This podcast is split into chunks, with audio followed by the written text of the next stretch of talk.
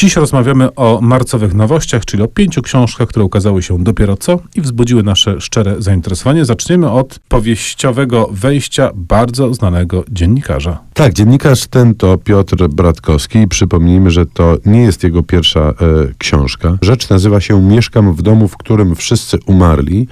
Mm, I jest to typ literatury, do której jesteśmy ostatnio przyzwyczajeni. Mam wrażenie, że jest sporo takich książek, które przy ciągu ostatniej dekady się ukazały, w których to autor próbuje opowiedzieć swoją rodzinną historię, która z różnych e, powodów wiekach nawet powiedziałbym. jest tajemnicza.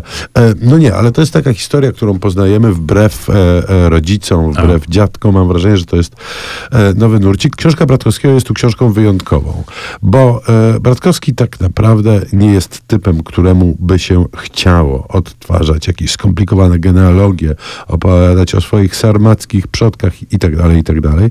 Bratkowski ma wewnętrzne poczucie takiej głębokiej potrzeby ze względu na, co tu dużo mówić, całą masę różnych traum, niedopowiedzeń i przykrości, które spotkały go i jego e, rodzinę, a szczegóły tych wszystkich wydarzeń umiarkowanie były dla niego znane. Więc próbuję to e, wszystko e, rozwikłać, poskładać i jak to w takich sytuacjach bywa, przy okazji rysuje nam obraz dwudziestowiecznej Polski.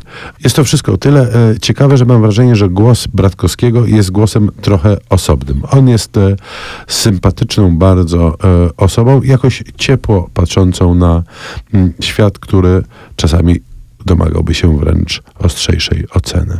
Bratkowski tworzy panoramę dwudziestowiecznej historii Polski, natomiast w kolejnej książce popatrzymy na panoramę świata całego, XXI-wiecznego, czyli teraźniejszości, tego, co nas czeka.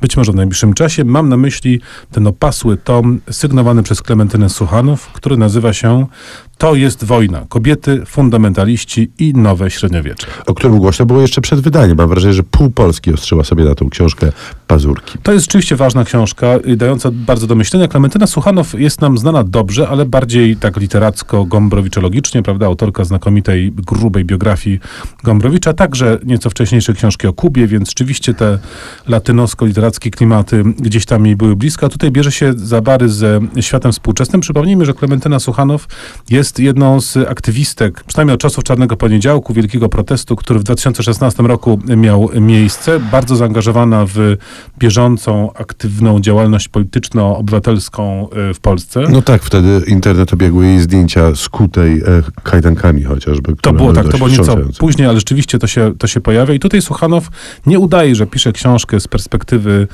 ob- obiektywnego, bezstronnego, zdystansowanego świadka. Ona ją pisze ze środka y, wydarzeń i jest to książka, która opowiada, no, zaczyna się od opowieści właśnie o y, tym czarnym proteście, czarnym poniedziałku y, w Polsce w związku z próbą wprowadzenia obostrzeń w ustawie y, antyaborcyjnej. Natomiast staje się opowieścią w ogóle o tym, co dzieje się we współczesnym świecie. Z Polski wędrujemy do Hiszpanii, z Hiszpanii do Meksyku. Tam przyglądamy się pewnej tajemniczej organizacji El Junque, która, której macki, to chyba stosowne słowo, sięgają coraz głębiej. Potem wędrujemy do Rosji i tak naprawdę tworzy nam się z tego po pierwsze panorama ogromnej międzynarodowej akcji wymierzonej przeciwko kobietom, ale także mniejszościom seksualnym i pewnym w ogóle swobodom y, obywatelskim i obyczajowym. Taki rzeczywiście, y, to co nazwać można nowym średniowieczem, powrót do y, pewnych patriarchalnych, odgólnie sterowanych, antydemokratycznych posunięć. I tu można by powiedzieć, że ta książka no, trąci mocno teorią spiskową. Ten spisek jest tam rzeczywiście bardzo, bardzo obecny. Jestem przekonany, że pojawią się tacy, którzy powiedzą, e, to wszystko trochę brzmi za bardzo jak Dan Brown i tym podobne rzeczy.